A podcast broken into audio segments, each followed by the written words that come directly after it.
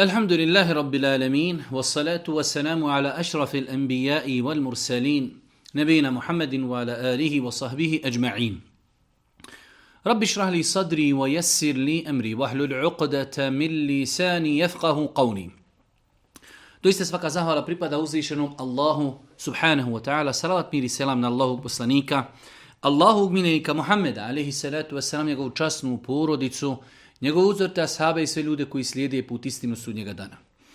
Uvaženi braćo i poštovani sestre, uvaženi gledatelji, evo nas u još jednoj emisiji u kojoj se družimo sa vašim pitanjima i vašim dilemama.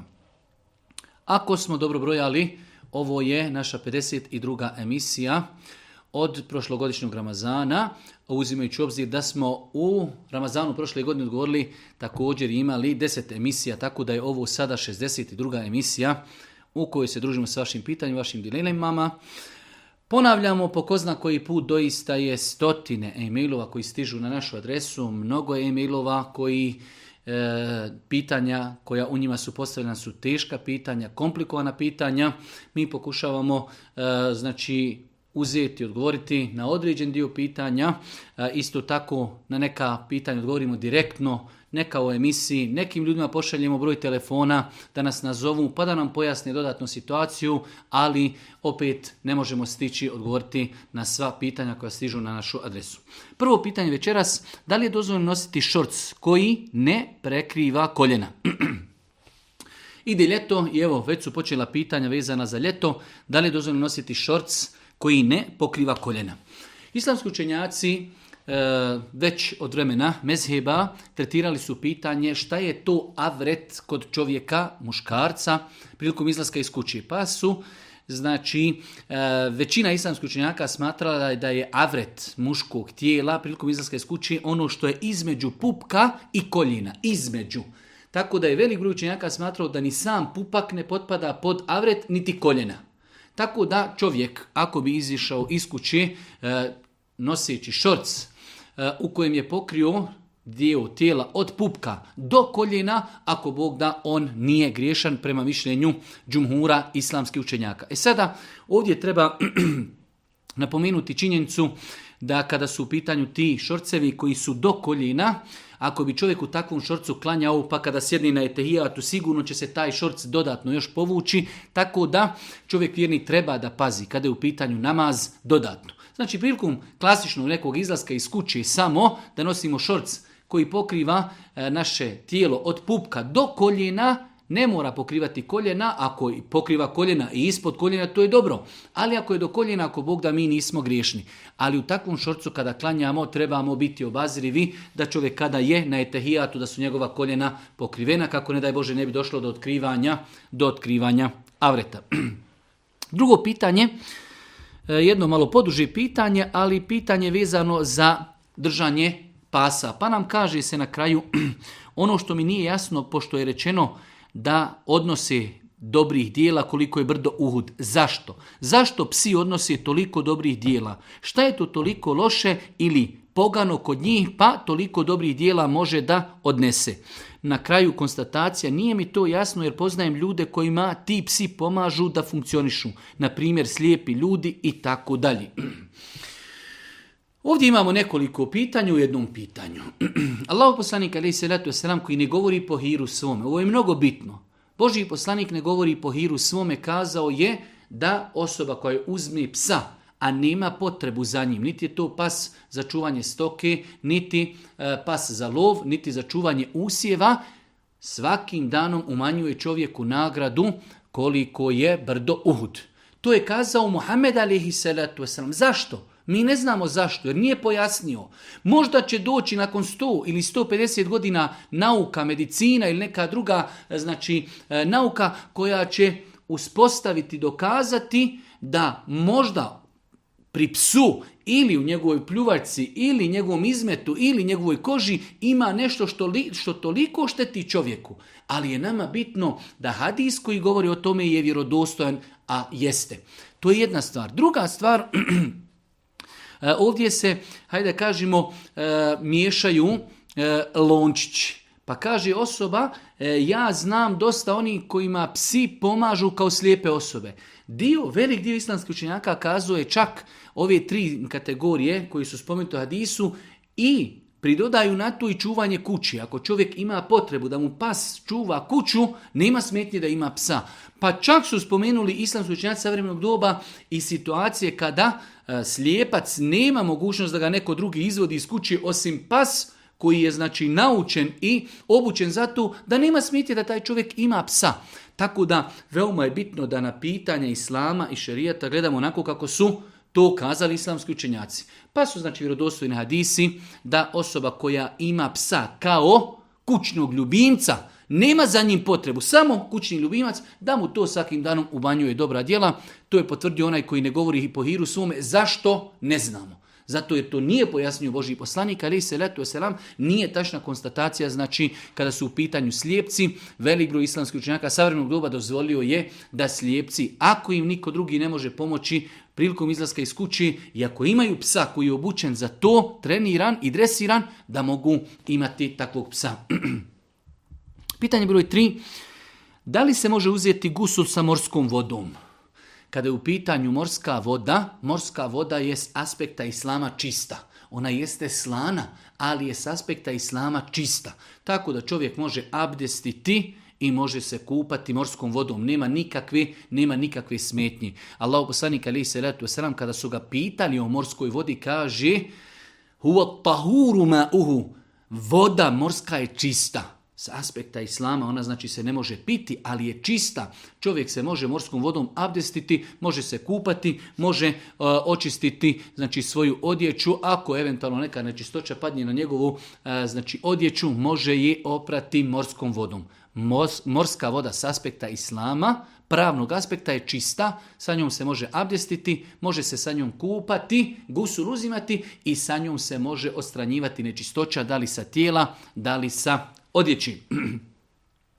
Četvrto pitanje, neko postavio vjerovatno neka naša vraća iz Makedonije, pa ima tu malo gramatički i pravopisni grešak, ali je pitanje ako insan e, ima dijete i obrije mu kosu kako i na koji način će udijeliti sadaku. Došlo je u vjerodostojima hadisma da je Allah poslanik ali se letu selam preporučio da osoba koja dobije dijete sedmi dan po rođenju djeteta, znači da se nadjene ime i da se obrije glava, da se obrije glava i da se onda ta kosica izvaga i da se u protuvrijednosti zlata ili srebra udjeli sadaka. Pa ako bi rekli da ima dijete imalo 2 grama, 2 grama e, kosi, znači kada se obrije kosa, odnese se kod zlatara, izvaga se i zlatar kaže dva grama. Pošto je gram srebra ili gram zlata toliko na ime, znači sadake, e, znači udjelimo, udjelimo u protuvrijednosti težine kose, e, znači našeg novorođenčeta. Tako da je to sunnet lijepo uprakticirati. Ako neko ne želi da obrije glavu djetetu, pogotovo kad su u pitanju ženska djeca, onda se to može, da kažemo, procijeniti otprilike. Pa da se kaže, e, verovatno e, zlatari to znaju, koliko otprilike koliko otprilike bude teška kosa djetetu kada vam donesu tu kosu. Pa ako kaže bude gram, bude dva ili manje ili više, uzet ćemo otprilike da i kosa našeg djeteta toliko je teška i na ime toga ćemo ako Bog da u protuvrijednosti udijeliti sadaku. To je znači jedan lijep i pohvalan postupak vezan za novorođenčad. Pitanje broj 5 da li je moja mama dužna ostati, ostaviti brak jer joj muž, moj otac, zabranjuje namaz? Ja sam malo dodatno kontaktirao ovu osobu, znači e, baš se radi o zabrani namaza. I sada, da li ta osoba može ostati u braku sa osobom koja joj zabranjuje najveći ibadet u islamu. Hajdete u pitanju nešto možda drugo gdje mi možemo kazati treba biti mudar, treba, treba saburati, treba sačekati. Imamo ženu koja je muslimanka, pokrivena i klanja. I dođe joj muž i ne da da klanja. Ne imamo mi druge opcije osim da ona traži razvod braka. Nema druge opcije. Ne možemo reći osaburi 15, 20 dana, 3 mjeseca nemoj klanjati. Namaz je stroga obaveza, tako da sa takvim čovjekom, da li će to uraditi žena, da li njen otac, da li njen staratelj, da li njen brat, da li neko drugi, ali da mu kaže, gospodine, ovo je žena vjernica, praktikuje islam u osnovi tebi, kao ako tvrdiš za sebe da si musliman, po kojoj osnovi da zabraniš svojoj supruzi da klanja, da klanja namaz. Tako da, ako bi se zaista ispostavilo da taj čovjek i dalje ustrajava na tome, ne postoji druga opcija osim da ta žena traži rastav braka. da, li nam je dozvoljeno otići na hađ ako su te pare zarađene na haram način? ste u jednom pitanju tri pitanja. Da li je dozvoljeno otići na hađ sa parama koji je zarađen na haram način? Ako nam osoba koja je to zaradila na haram način pokloni te pare i sa tim parama dojmo na hađ. Sa drugo pitanje. Da nam neko donira pare koje on zaradio na haram način. I na kraju, da li je uopšte ispravno otići na hađ od posuđenih para. Sad imamo treće pitanje i posuđene pare. Pokušat ćemo ako mogu da odgovoriti na sva ova pitanja. Da li je dozvoljno posuti pare i otići na hađ? Da, dozvoljno. Nije obaveza. Čovjek, znači, njemu je obaveza da ide na hađ onog momenta kada on ima viška novca preko potreba sebe i svoje poruci. Ima viška novca, poroca, djeca, dok on odi na hađ i vrati se, može uplatiti hađ, je, onda treba da ide na hač. Ali čovjek kaže, meni nije obaveza, ali ja bi uzajmio pare, pa ako Boga vratit ću eh, u nekom narednom periodu tom čovjeku, može li otići na hač, Može otići na hač. Znači, da li možemo uzajmiti pare i otići na hađ? Možemo. Drugo pitanje, ako nam osoba znači pokloni pare, a te pare su zarađene na haram način. Eh, prva stvar, kažu islamski učenjaci, ako smo sigurni da je određen poklon nevezano za hađ, stečen na haram način mi ga nećemo preuzeti. Ali ako čovjek ima prodavnicu u kojoj prodaje stotinu artikala koji su halal i dva artikla koji su haram, njegov novac je izmiješani novac kojeg zarađuje i inšala bi iznala kazali su islamski u takvim situacijama dozvoljno uzeti poklon od osobe čiji način zarađivanja je i halal, ali ima tu i harama. Od takve se osobe može uzeti poklon. Samim tim, ako bi nam takva osoba i ponudila novac da idemo sa njim na hađ, možemo to, ako Bog da, uzeti. I prvo ovo pitanje koje je bilo, možemo li otići sa parama koje zarađuju na haram način na hađ? Kažu islamski učinjaci, ako bi insan otišao sa haram parama na hađ, njegov hađ je ispravan. Ispravan s aspekta, on je obavezu prema Bogu odužio ali da li mu je kabul i primljen Slično nešto čovjek u namazu cijelo vrijeme razgleda i cijelo vrijeme znači e, ne razmišlja onome što se uči. Ali čovjek bio pod abdestom, okrenuo se prema kibli, obučen kako treba, je namaz je ispravan. Ali je li Kabul ili čovjek posti? Čovjek posti, ali sluša muziku, krade, laže, petlja, Šta ćemo mu Možemo reći da mu je post neispravan. Post je ispravan, ali je li kabul i primljen? Tako da i čovjek koji bi otišao e, na hađ sa novcem koji zarađe na haram način, on je obavio ono što mu je obaveza. Ispunio arefat, ispunio tavaf, ispunio saj i tako dalje. Ali je li mu hađ primljen ili nije, to je nešto drugo. Sedmo pitanje, Imam jednu nedoumicu pošto sam postao babom. Dijete dobiva svakodnevnih poklona, pogotovo igračke sa očima. Usput sam i hadise, e, upoznat sam s hadisima da melekin ulaze u kuću i tako dalje. Da li je dozvoljeno uzimati takve igračke? Da li je dozvoljeno znači uzimati na poklon igračke koje su jednostavno u obliku životinja ili nečega drugog, jednostavno u obliku živih bića. Allah najbolji zna E, teško je to danas izbjegavati. Ja neću reći nemoguće. Ali je to teško danas izbjegavati slično nešto kao što su u pogledu e, slikanje sa mobitelom. Jednostavno, to je tema koja je danas nametnuta. Tako i igračke. Imaju hadisi da je išla radi ta'ala kada je bila djevojčica, igrala je se sa nekom igračkom koja je bila u obliku konja. I Boži poslanik ali se letu i i to nije, znači zabranio i negirao. Tako da na osnovu tih e, hadisa i nekih drugih hadisa e, islamski učenjaci savremenog doba su bili, hajde da kažemo u datom momentu, tolerantni prema tim pitanjima, pošto se to vezuje za dječicu, djeca po šerijatu još nisu, hajde da kažemo, šerijetski obveznici, Imamo te neke hadise iz kojih se indirektno može shvatiti da ima u tom pitanju tolerancije i treća stvar to je jednostavno e, pitanje e, ljudi koji imaju djecu znaju da danas znači skoro pa nemoguće kupiti djetu igračku osim da ima ti nekih hajde da kažemo e, likova i slično tome tako da duboko se nadam inšallah da insan ako primi takve poklone da nije griješan da li ako žena uzme muževo prezime, pa onda promijeni opet u svoje, da li je njen grijeh i dalje ostao grijeh? Nadamo se svakako da insan, ako je žena uzela muževo prezime i rekli smo da je to zabranjeno, nije ispravno, nakon toga vrati svoje prezime kroz papirologiju, ona inšala nije više griješna. E sada ostaje taj moment da se pokaje zbog onoga što je radila. Da se pokaje zbog onoga što je radila, znači Nadamo se da grijeh prestaje sa onim momentom kada žena vrati svoje prizme, ali ostaje činjenica da je to nekada uradila i da treba da se pokaje zbog toga što je uradila, tako da, inšala biznila, ako objedinim ove dvije stvari, ako se žena pokaje, ako je ako je promijenila u dokumentaciji svoje prizme, odnosno vratila je svoje prizme, nadamo se ako Bog da da više nema taj grijeh. Da li se smije dobiti protiv sihribaza i džina koji mu pomažu ako ste vi ili neko iz poroce obsihreni? E, sihr, definitivno jedan od najvećih vidova zuluma i nepravdi.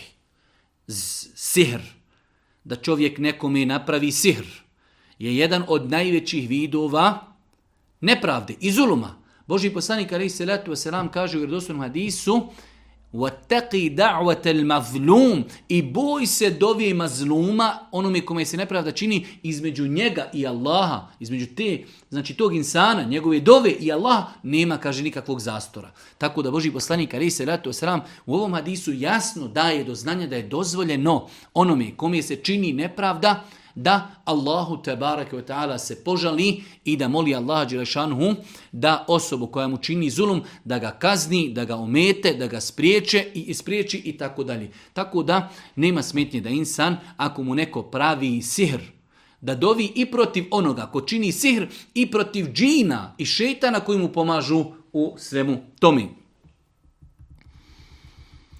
Da li je dozvoljeno djevojci od 17 godina udati se za muslimana vjernika? Da li se može vjenčati šerijetski sa 17 godina? Momak je punoljetan. E, vidite, ovdje nastaje problem. E, pitanje je zasnovano tome da vjerovatno djevojka postaje punoljetna sa 18 godina, što je neispravno. Što je neispravno. E, generalno, kada bi i rekli kada bi rekli, a nije tačno da djevojka i postaje punoljetna sa 18 godina, dozvoljeno je djevojci koja nije još postala punoljetna da se uda. Nema nikakve smetnje da se uda osoba koja još nije punoljetna. A ispravno je znači da su islamski učenjaci kazali da e, muškarac ili žena postaju punoljetni kada napuni 18, 15 godina ili žene kada dobiju prvu mjesečnicu. Na našim podnebljima nije uopšte čudno da djevojčica dobije mjesečnicu u 14. 15. godini, pa i 13. godini. Ona samim tim postaje punoljetna. Na nju se odnosi obaveze namaza, posta, hijjaba i tako dalje. Ali nevezano za ovaj propis e, stupanje u brak s aspekta da li se ona može udati, vjenčati, nije vezano za punoljetstvo ili nepunoljetstvo. Tako da u ovom slučaju 17 godina ne ulazimo sad u zakonsku regulativu i proceduru kako će djevojka da se uda ako još nije po ovom zakonu punoljetna, imaju tu neke posebne procedure, ali i po ovom zakonu žena se može, ovo svjetskom zakonu žena se može udati prije 18 godina, a znači da ne govorimo kada je u pitanju islam, islam uopšte nije vezivao punoljetstvo i stupanje brak u vezu. E, iako rekli smo da je tačno da djevojke postaju punoljetne onog momenta kada dobiju mjesečnicu ili eventualno ako napuni 15 e, godina. ja se zovem taj i taj, ima jedno pitanje. Nekada nam ljudi kažu, še možete li nam odgovoriti naše pitanje anonimno. Vjerujte da nas tu mnogo umara. Imate nekada pitanja gdje bi trebali da odgovorimo na to pitanje da napišemo deset rečenica, a stotine e-mailova dolazi na našu adresu. Pa je nemoguće da ljudima odgovaramo anonimno i privatno. Nikada u životu ne spominjemo imena, trudimo se da pitanja ostanu što općenitija, da se ne zna o kome se radi, ali anonimno odgovarati ljudima doista je to, znači treba, treba ekipa učenjaka da sjedi i da odgovara na e-mailove, znači koji stižu samo na jednu, na jednu adresu. U svakom slučaju pitanje je e, da svastika od ovog našeg brata udala se za nemuslimana. E sada njena poroca klasično želi da je se odreknu, on kao zet i njegova supruga, sestra od te ženi svastika, znači e, kako da se ponašaju prema toj osobi koja se udala za nemuslimana. Generalno pravilo, generalno pravilo e, i žena kada se uda za nemuslimana, ona je počinila veliki grih. apsolutno. Žena muslimanka nikada po islamu se ne može udati za nemuslimana, ne postoji opcija. Znači žena muslimanka ne može se nikada udati za nemuslimana. Kada to uradi, ona čini veliki grijeh. To je znači blud. Žena kada se uda za nemuslimana, njen intimni kontakt sa njezinim čovjekom je blud. U redu. Ali bez obzira ona i dalje je muslimanka. Ona i dalje je muslimanka. Nije uradila djelo koje izvodi iz vjere.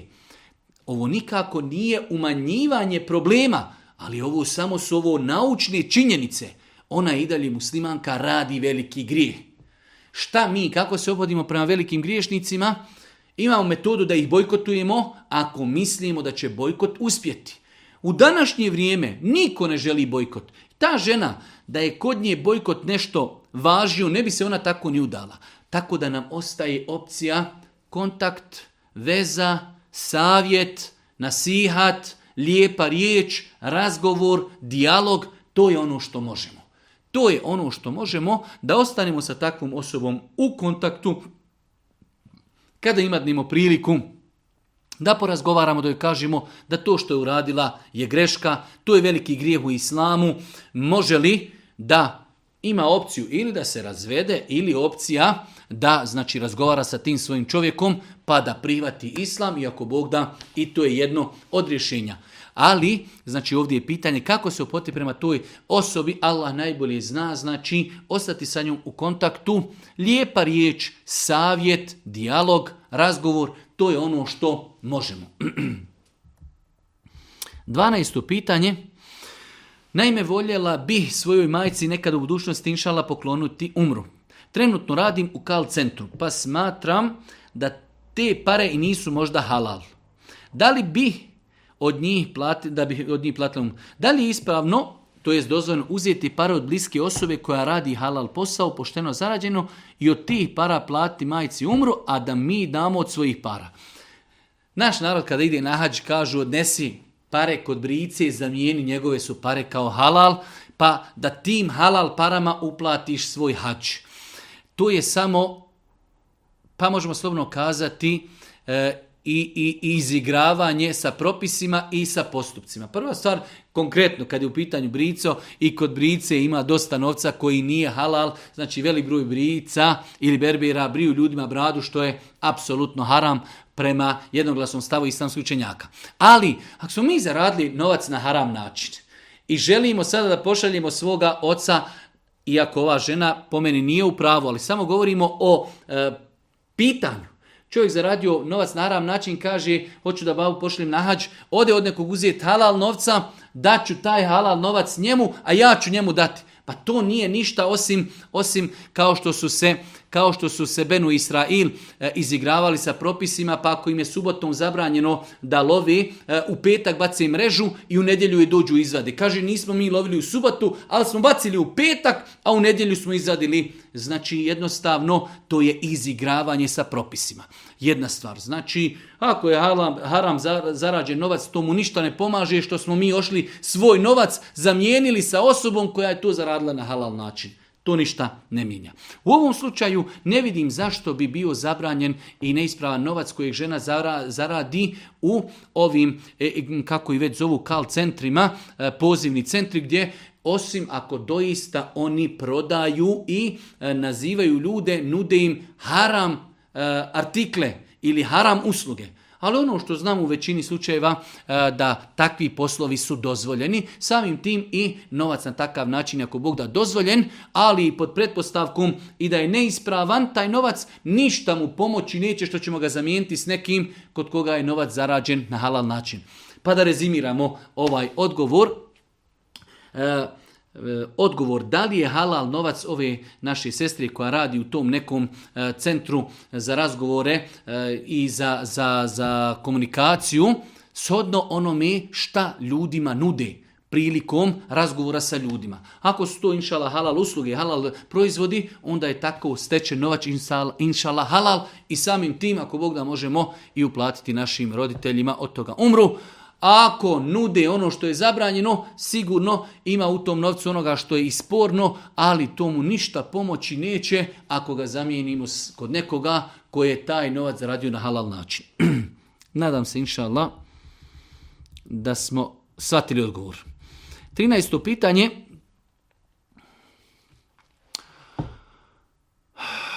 je postaviti pitanje u vezi kamate, kamatnog kredita. Kako i zbog čega je haram? Ja znam da jeste haram i protiv toga, protiv toga sam da se uzima i daje kamata, ali imam članove porodice koji su upitali više učenih ljudi koji su odobrili kamatu. Pitanje zašto je kamatni kredit haram i druga stvar, kaže, pitala sam više osoba koji su dozvolili kamatu. Pogledajte kako se neispravno razumijevaju pitanja. Prva stvar, zašto je zabranjen kamatni kredit? Zabranjen zato što je kamata u islamu jedan od najvećih grijeha. Jedan od najgnusnijih grijeha u islamu je kamata. Samim tim kamatni kredit, kamata, jednostavno, strogo, strogo zabranjeno Kur'anom i sunetom Božih poslanika, ali se letu vaselam. E sada, imamo mi dio učenjaka koji su, za ljude koji žive u e, evropskim zemljama ili po zapadu, ako rješavaju stambeno pitanje, dozvolili kamatni kredit. Ali pazite, nisu dozvolili kamatu Problem je, znači oni su kazali to ti je nužda i uzmi kamatni kredit zbog nužde i potrebe, ali kamata ostaje haram, ne može kamatu niko dozvoliti. Tu moramo napraviti razliku. Kamata je haram. Već odredin dio učenjaka, a mi se ne slažemo sa tim učenjacima, smatramo da i na zapadu ljudi nemaju pravo da uzmeju kamatne kredite, makar rješavali stambeno pitanje, bolje da budu pod kirijom u zadovoljstvu svoga gospodara, nego da uzmu kamatne kredite pa da su možda u sržbi svoga gospodara. Ali, znači, e, ne slažemo se s njim mišljenjem, ali ona učenjaci koji su to dozvolili, dozvolili su u nuždi, dozvolili su u potrebi zbog potrebi, a kamata i dalje ostaje kamata zabrani. Zato je veoma bitno širiti među ljudima svijest da je kamata haram.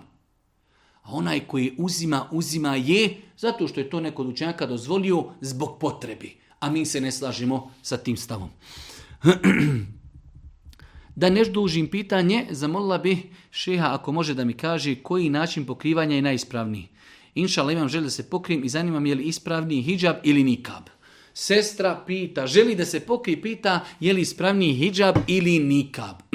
Moj savjet, ako se radi o osobi koja živi na Balkanu ili negdje u Europi, želi da se pokrije, onda prva stepenica definitivno treba da bude hijab hijab. E ako bi osoba živjela u Saudijskoj Arabiji, u Kuvajtu, u Katru, Emiratima, može odmah da počne i nositi nikab jer jednostavno tamo nema nikakvih problema. Za razliku od naše podneblja gdje ja savjetujem našim sestrama definitivno da počnu sa hijabom, da li možda godinu, dvije, tri dok se malo naviknu i one i društvo u kojem žive i tako dalje, nakon toga definitivno da je kruna svega toga da žena stavi nikab, ali ne smatram da je ženama nikab obaveza, ne smatram da je, i to je stav većinskog dijela islamskih učenjaka, ona sestra koja nosi da je Allah Đeršanu nagradi i treba da dovimo i da damo podršku našim sestrama koje nosi nikabe, ali definitivno pogled društva na nikab i na hijab se razlikuje. Opet žena koja nosi hijab sa manje problema i pritisaka će naći i posao i u čarši i tako dalje, tako da osoba generalno koja pita, smatram da hijab ako inšala je ispravan širok džilbab i znači lijepa mahrama, da je to inšala biznila dovoljno za taj neki prvi početni period, godinu, dvije, tri, a nakon toga ako se vidi da ima prostora i mogućnosti da se nosi nikab, to je definitivno potpunije i bolje. Ali žena koja nosi uh, džilbab i koja nosi mahramu, ako Bog da ispunila je farz pokrivanja.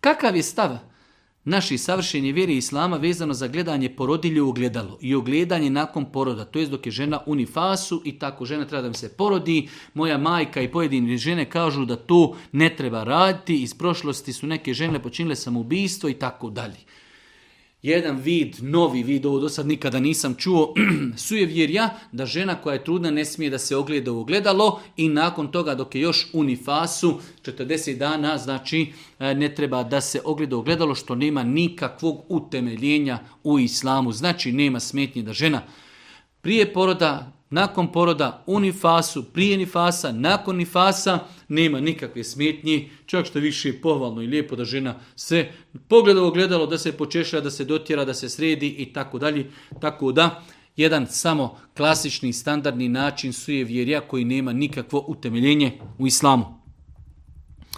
15. 15. pitanje. Naime, roditelji su odlučili da podijeli imovinu između moga bratića koji je jetim i mene. Želim da znam imam li uopšte pravo na taj dio imetka i tako dalje. Znači jedna naša sestra kaže njeni roditelji žele za života da podijeli imetak između nje kao njivog djeta i između djeteta njenog brata koji je umro, dijete je jetim. Da li ona ima pravo? Da. Definitivno. Islamski učinjaci su kazali, e, iako sad govor o ovom pitanju je širok i velik, ali ispravno je u islamu da roditelji za svoga života dok su živi, iako to nije pohvalno, jer može se desiti da čovjek podijeli svoj metak i nakon toga e, ostane živjeti duže nego svoja djeca kojima je dao taj imetak. Ali u svakom slučaju dozvoljeno je znači u islamu da roditelji, pogotovo ako se boje da će doći nakon smrti do e, svađa i razmjerica u vezi po, podjele imetka, dozvoljeno je da E, za svoga života svojoj djeci podijeli imetak, ali ne kao nasljedno pravo, već kao poklone. Da im dadnu kao poklone. Sad postoji razilaženje kod učenjaka na koji način treba da to dijeli. Da li treba e, shodno onako kako se dijeli miraz ili ne, u to pitanje ne bi ulazili. Već ovdje ova naša sestra pita ako bi njeni roditelji željeli da podijeli za svoga života, za svoga života imetak između nje i njenog bratića, je tima, znači ona ima brata i njen brat je umro, ostao iza njega sin, muško dijete, da li ona ima pravo? Ona, da li ima pravo? Da, definitivno. Mi imamo jedan problem kada je u pitanju nasljedno pravo, da jednostavno dosta puta se ženska čeljadi izbaci iz miraza ili dadne im se ono, ali one se odma ono Podrazumijeva se, trebate se odreći, ako se ne odretnite svoga imetka, neko će se na vas naljutiti. To što je žena udata, to što žena ima svoju djecu, nikako ne znači da ona ne treba da učestvuje u nasljedstvu svojih roditelja, to je nakon smrti. Ako oni za života žele da podijele imovinu i da dadnu svoju čerci jedan dio imovine, a jedan dio da dadnu e, sinu od njihovog sina, uz Allahu pomoć tome nema ništa sporno. Da li je istina da se utorkom i petkom ne smije prati veš, kupovati odjeća ili bilo što drugo pokući raditi? Ovo je 100% izmislio neko kome je bilo mrsko raditi. Dva dana u sedmici još, znači utorak i petak da ne smijemo prati veš, kupovati odjeću i još da bude, da se ne smije ništa pokući rad. Petak još kad bude onaj, kako ga zovu, e, Friday, da kad bude još i pojeftinjenja i ne smiješ još ići ništa ni kupovat. Nema nikakve smetnje da se petkom, utorkom i bilo kojim drugim danom i periveš, i šiša, i sjeku nokti, i kupovina, i da se radi kućanski poslovi. Znači sve je to sujevjerje koje nema nikakvog utemeljenja u islamu. E, jedan naš brat postavio je malo duže pitanje, a radi se o tome da je povrijedio kičmu, e, da je bio znači, u situaciji da klanja ležić, njegova supruga mu je pomagala prilikom uzimanja abdesta, sada treba ponovo da ima operaciju i ne zna da će moći uzimati abdest kako da se ponaša u bolnici. Situacija je znači za bolesnike koji jednostavno ne mogu ustajati, imaju problema sa kičmom ili su u takvom stanju da iz određenih drugih razloga ne mogu ustajati, treba da im neko pomogne uzeti abdest.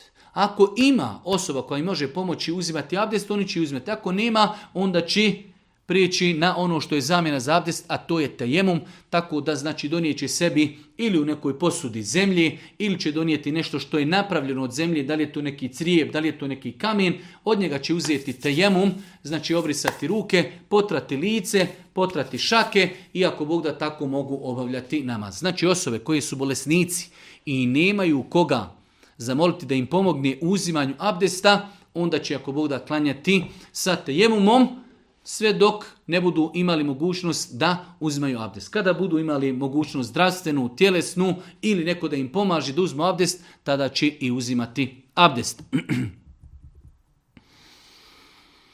Jedno malo duže pitanje, generalno jedan naš brat ima jednu nejasnoću da je nekada u tu radio mnoge grijehe pa je se sada vratio vjeri, ali tek sada svata kolike velike radio grijehe čak do tog, znači do te mjere da je psova uzvišnog Allaha te tala, i mi kroz ova naša pitanja i odgovore kroz dersove non stop spominjemo da je to jedan od najgnusnijih i najvećih grijeha po konsenzusu islamskog činjaka čovjek koji opsuje Boga izlazi iz islama.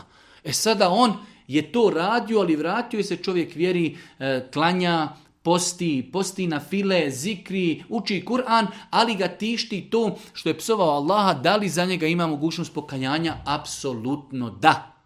Ako se može pokajati neko koji je 30, 40, 50 godina bio originalni nevjernik od rođenja, 50 godina čovjek smatrao da je Allah, znači jedan od troje ili tako dalje, i takav se može pokajati Isto tako se može pokati i neko, pogotovo ko je u neznanju, ali da je iz znanja, da je opsova uzvišnog Allaha, shvatio da je to greška, treba da se pokaje, treba da to ostavi, treba da čvrsto odluči da se neće tome više nikada vratiti i ako Bog da duboko se nadamo da će njegova teuba i pokajanje biti validno i primljeno. Tako da, znači ne treba čovjek da se psihički umara, e, nekada je to jedan od metoda i načina kako šetan umara te pokajnike, kaže pa ti si radio, gdje će se takvi i takve grijehe, kako ćeš se pokajati, nemoguće da tebi Allah oprosti i tako dalje, što nije tačno. Allah Đelešanu je tawab, prima pokajanje svojih robova bez obzira kakav grijeh da su uradili. U braku sam, moja žena me vrijeđa i omalovažava. Govori mi da sam malouman, i tako dalje, smatra me lošim, nezrelim muškarcem, pa čak me vrijeđa, ovdje je čovjek napisao ružne neke termine, znači e, i tako govorim zašto nisi kao taj i taj lider i tako dalje. U svakom slučaju e, generalno je zabranjeno vrijeđati bilo koga, a zamislite kako i na kojem stepenu je da žena vrijeđa svoga muža. Allah poslanik kaže da sam ikome naredio da čini seđdu, nekome mimo gospodaru naredio žen da uradi seđdu svojem mužu zbog veličine prava muža kod njegove ženi.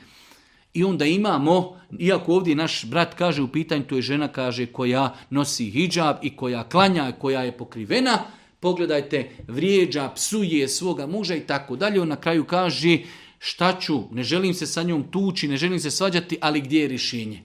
E, prva stvar znači zabranjeno je haram vrijeđati bilo kojeg insana, a kamoli svoga muža.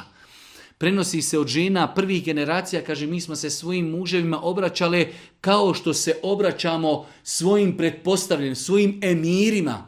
Smatrali smo i toliko autoritetima da kada bi se njima obraćale kao da se obraćamo i našoj ulemi i našim emirima i našim nadređenima. Pogledajte tog Pogledajte tog edeba, pa smo vidjeli ove hadise Božih poslanika, ali se letu selam, na kakav stepin stavlja pravo muža, da sam ikome naredio da učini seđdu, mimo Allaha, naredio bi ženi da učini seđdu svome mužu. Zbog veličine prava koje muž ima kod svoje žene. Pa je znači to što radi ova žena ne može imati opravdanje nikakvo. Znači ne može žena psovati i vrijeđati svoga muža, ne može ga nazivati ružnim imenima, ne može mu govoriti što nisi ti odvažan i hrabar kao taj taj neki lider i tako dalje. Pa šta je u našem bratu? I da osabura, i da je savjetuje, i da je kritikuje i na kraju krajeva, e, znači ako doista dođe do toga da čovjeka, da to ostavlja na njega velikog psihičkog traga, ko što može se desiti, pa i zadnje rješenje je i razvod braka. Tako da, znači, pogledajte e, kako svojim nepromišljenim postupcima možemo, ne daj Bože, izazvati čak da odemo do toga i da se desi razvod braka. U svakom slučaju rezime je žena treba da bude pažljiva u ophođenju prema svome mužu, da ga doziva najljepšim imenima, da bude blaga, da bude milostiva, ako ima nešto za prigovoriti, onda će to kazati na lijep i blag način. 20. pitanje. Ono standardno pitanje, žena je izostavila određeni dane Ramazana i sada da li ima pravo da posti šest dana ševala, a da tokom godine naposti dane iz Ramazana, inšala bi je dozvoljeno. Iz razloga što je mjesec ševal ograničen, za razliku da je uzvišen Allah Varka tala dozvolio ženama da dane Ramazana koje nisu postile tokom cijele godine naposti. Tako da žena koja može napostiti Ramazan, nakon toga i postiti šest dana u ševalu, to je ekstra. Ali ako ne može, iz fizički ili zdravstvenih razloga, inšala bizla mi se nadamo da ako isposti šest dana ševala da će dobiti obećanu nagradu, kao da je posla cijelu godinu, a tokom godine ako Bog da, kada mogne, ona će napostiti dane koje nije postila u mjesecu Ramazanu. Jedna sestra nam se javila i kaže da pogledamo eh, da pogledamo ajet, ona nam je uslikala ajet iz suri En-Nisa, 34. ajet, gdje kaže kada pogledate sliku zanima me da li to u islamu postoji opravdan razlog kada muškarac smije da udari ženu. A eto Surja Nisa, da on kaže, a oni, žene, čiji se neposlušnosti pribojavate, vi posavjetujte, a onda se od njih u postelji rastavite, pa ih i udarite. A kada vam postanu poslušne, onda im zulum ne činite, Allah je zaista uzvišen i velik. Pa pita ova žena, E, da li to postoji situacija u islamu kada čovjek može udariti ženu? Jer vidjela je ovdje u ajetu spominje se vi posavjetujte pa se udaljite u postelj od njih, a ako ne budu se popravili pa ih i udarite. Prva stvar, treba da znamo da čovjek treba da se e, obhodi prema svojoj supruzi kao prema osobi koja mu je sestra u vjeri. Jer čovjek kada oženi ženu, kada je s aspekta vjerskog, to je njegova sestra. Treba da se prema njoj obhodi na način kako bi volio da se neko obhodi prema njegovoj majci. Da se obhodi prema e, toj svojoj supruzi kako bi volio da se neko obhodi prema tvojoj čerci i tako dalje. To je osnova Islama. U aširu bil ma'ruf i prema njima se obhodite na, ljepši, na najljepši način. Ali, isto tako, Allah Đelšanu je savršen, plemenit, milostiv, mudar Zna uzvišeni gospodar da će biti žena koji, kojima nije dovoljno da je posavjetuješ. Niti im je dovoljno da se od nje okrenuš u postelji. Ima osoba koji ne znaju razumjeti i popraviti se osim da bude udarena. A govorit ćemo kako i na koji način da bude udarena. To je prva stvar, znači kako da se opodimo, da se opodimo prema našoj supruzi, Onako kako se Boži poslanik obodio prema svojim suprugama, na najljepši način. Ali imamo doista različite situacije gdje dolazimo do problema, lako je živjeti gdje nema problema. Kako rješavati probleme? Neispravno i zapamtite da čovjek udari ženu, a nije poduzeo ovo što mu je Kur'an rekao. Prvo ih posavjetujte. Imaš problem sa suprugom, prvo sa njom savjetuješ, savjetuješ, savjetuješ, savjetuješ, vidiš da ne ide. Nakon toga kuranski metod da se odvojiš od nje u postoji. Da je okriniš leđa i jednostavno da joj uskratiš intimu. Pa vidiš ona i dalje nepokorna, i dalje vrijeđa, i dalje psuje i tako dalje, onda tek dolazi treća odgojna metoda. Pazite, treća odgojna metoda. Znači, neispravno je preskočiti, čovjek se naljutio i odma udarac. Neispravno. Druga stvar, Kažu islamski učenjaci, ovdje kada Allah Žešanu kaže, pa ih posavjetujte, pa ih okrenite od njih, se u i na kraju udarite ih, to je udarac odgojni, neispoljavanje ispoljavanje srđbi. Udarac koji ne ostavlja trag, koji ne ostavlja masnicu, udarac koji izbjegava lice. Znači, to bi bukvalno bilo prevedeno na neki način da čovjek dođe ženi, ženo, pa šta je viši? Kad ćeš se popraviti? E ovakav udarac, ovoliko. To je ono čemu nas uči Kur'an.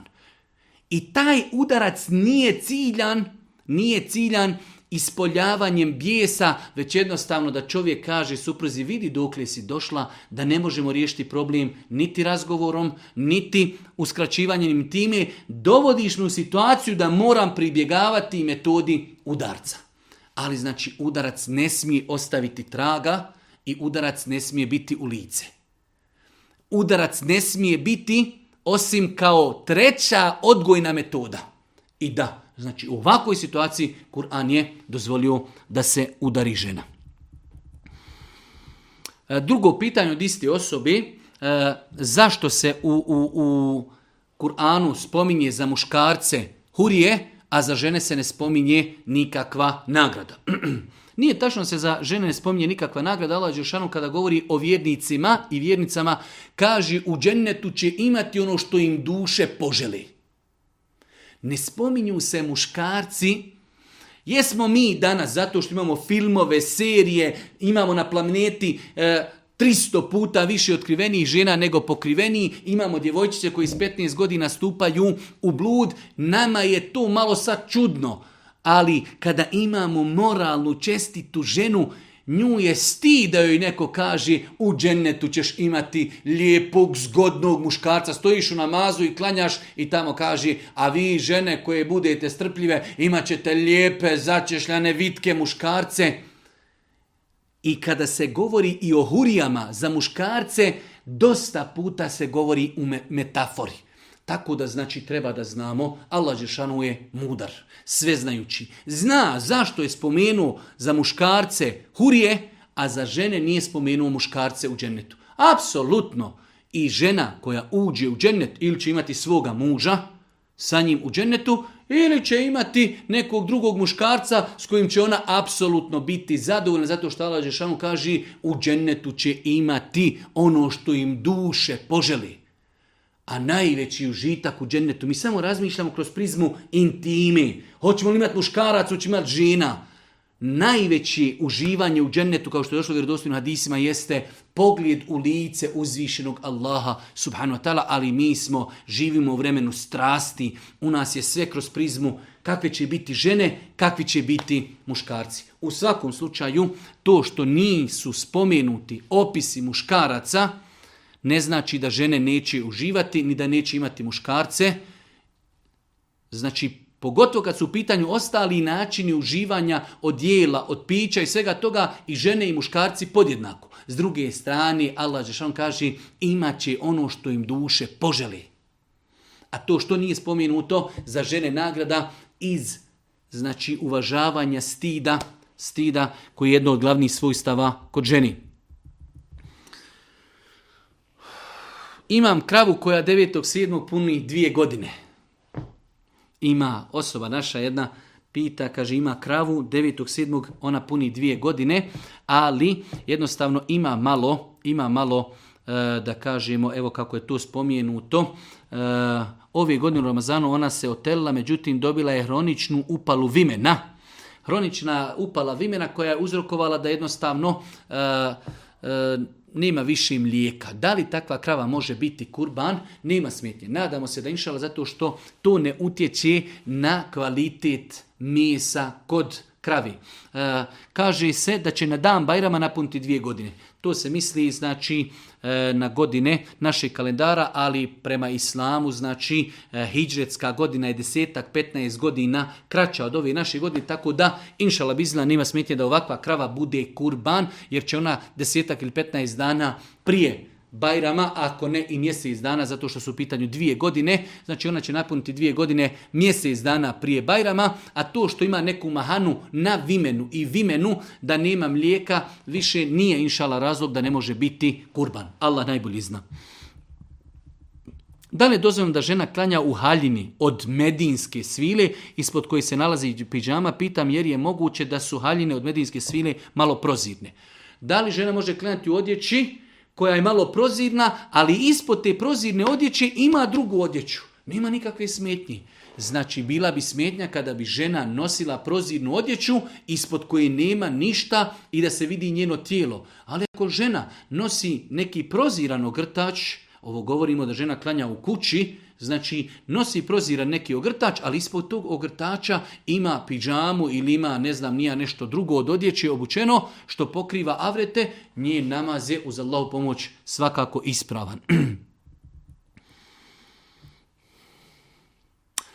Jedan brat je poslao malo duže pitanje, došao je negdje putovo, je sa svojim automobilom, zaustio se u neko mjesto i zateko je kako Ezan uči preko preko znači kasetofona ili preko ne znam nija nekog drugog uređaja. Ljudi kaže hodaju oko džamije, ezan uči, čak niko ne ide ni u džamiju. Oni su to povezali sa aplikacijama i ezan sam uči ljudi oko džamije i šta u svemu tome je da čovjek e, što bi rekao kaže osim da ne znam da postoji neko od islamskih učenjaka savremenog doba da je dozvolio da se ezan oglašava putem CD-a ili kaseti mjesto u kojem se prouči takav ezan je griješno što nije proučilo ezan, što ezan nije proučio neko od ljudi. To da ne govorimo što ljudi ne dolaze u džamiju i to je sad zasebna tema, mi govorimo samo o pitanju ezana, znači ezan koji se prouči putem CD-a ili kasete nije proučen, nije validan. Za takvim ezanom se ne ponavlja uopće, zato što nije validan a kolegijalna obaveza je da se u svakom muslimanskom mjestu prouči ezan kada nastupi namasko vrijeme. Kolegijalna obaveza što znači ako muslimani tog mjesta ne prouči ezan, svi će biti griješni. Ako jedan prouči, niko od njih nije griješan. U ovom slučaju, kada ezan uči putem kasete i CD-a, kao da nije proučen i svi ti ljudi u tom mjestu su griješni za svaki taj namaz. Da li se smatra rastavom braka ako muž kaže nemoj mi ništa govoriti, misleći u vezi određenih stvari da ne govori ništa, a ne rastava braka?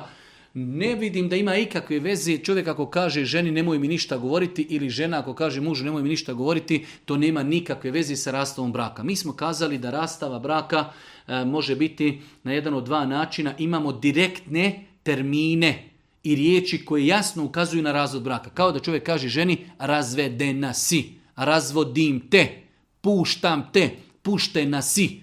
Završena stvar. Imamo indirektne termine gdje čovjek kaže supruzi idi svojima. Šta znači idi svojima? Može značiti idi svojima, puštena se može značiti idi svojima dok se ne odljutim, ljucam.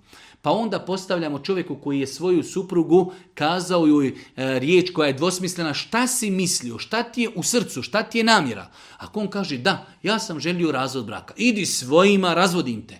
Tada je razvod pao. Ako on kaže ne, razvod braka nije u planu, već sam samo želio da jednostavno ode, da se malo ohladim pa ćemo poslije razgovarati. Pa znači kada su u pitanju termini koji su dvosmisleni, onda moramo pitati čovjeka šta je želio. Ako je to termin jasan, da čovjek kaže razvodim te, puštam te, u tom slučaju razvod braka se desio, nemoj mi ništa govoriti, ne potpada ni pod jednu vrstu od ove dvije vrste. Kako se oduprijeti kocki? Malo duže pitanje, ali je e, rezime kako se oduprijeti kocki. Imamo mnogo savjeta koji bi mogli kazati onima koji žele da se ostavi kocke, ali evo neke stvari. Prva stvar, veoma je bitno imati jaku želju, ambicioznost. Želim da to ostavim. Iako je to teško. I kocka je znači e, bukvalno kao hronično oboljenje. Jednostavno znači kao čovjek koji, koji čovjek dugo godina duhani ili čovjek koji se drogira, isto je, identično je pitanje sa kockom. Veoma teško je ostaviti kockanje. Treba ambicioznost, treba želja, treba dosta dovi.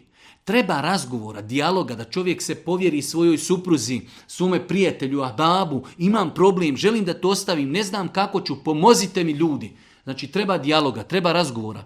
Treba čovjek birati dobro društvo. Sve dok si u dobrom društvu, sa ljudima džematljama, sa, sa ljudima koji idu u džamiju, nećeš ti reći, e da ja u kladioncu. Oni četiri, halo, haram, hajde s nama, idemo popit kahvu.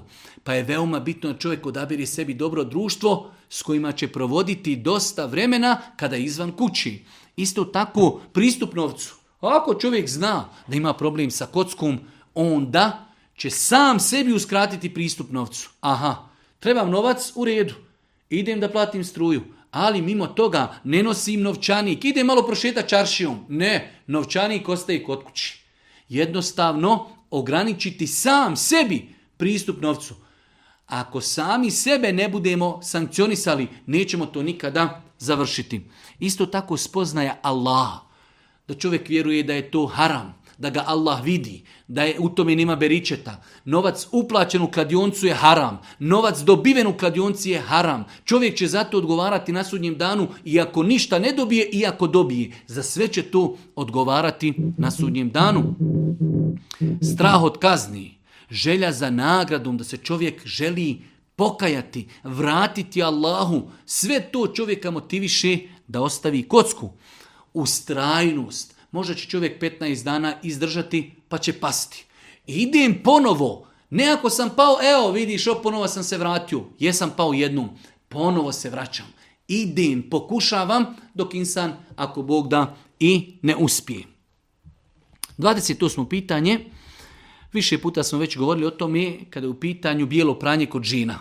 Treba zapamtiti dvije stvari i to je najlakše rješenje. Bijelo pranje kod žena kvari abdest, a nije nečisto. I time smo završili sve što trebamo znati o bijelom pranju. Bijelo pranje kod žena kvari abdest. Prema mišljenju većinskog dijela islamskog činjaka žena kada znači ima problema sa isticanjem e, bijelog pranja, to kvari abdest.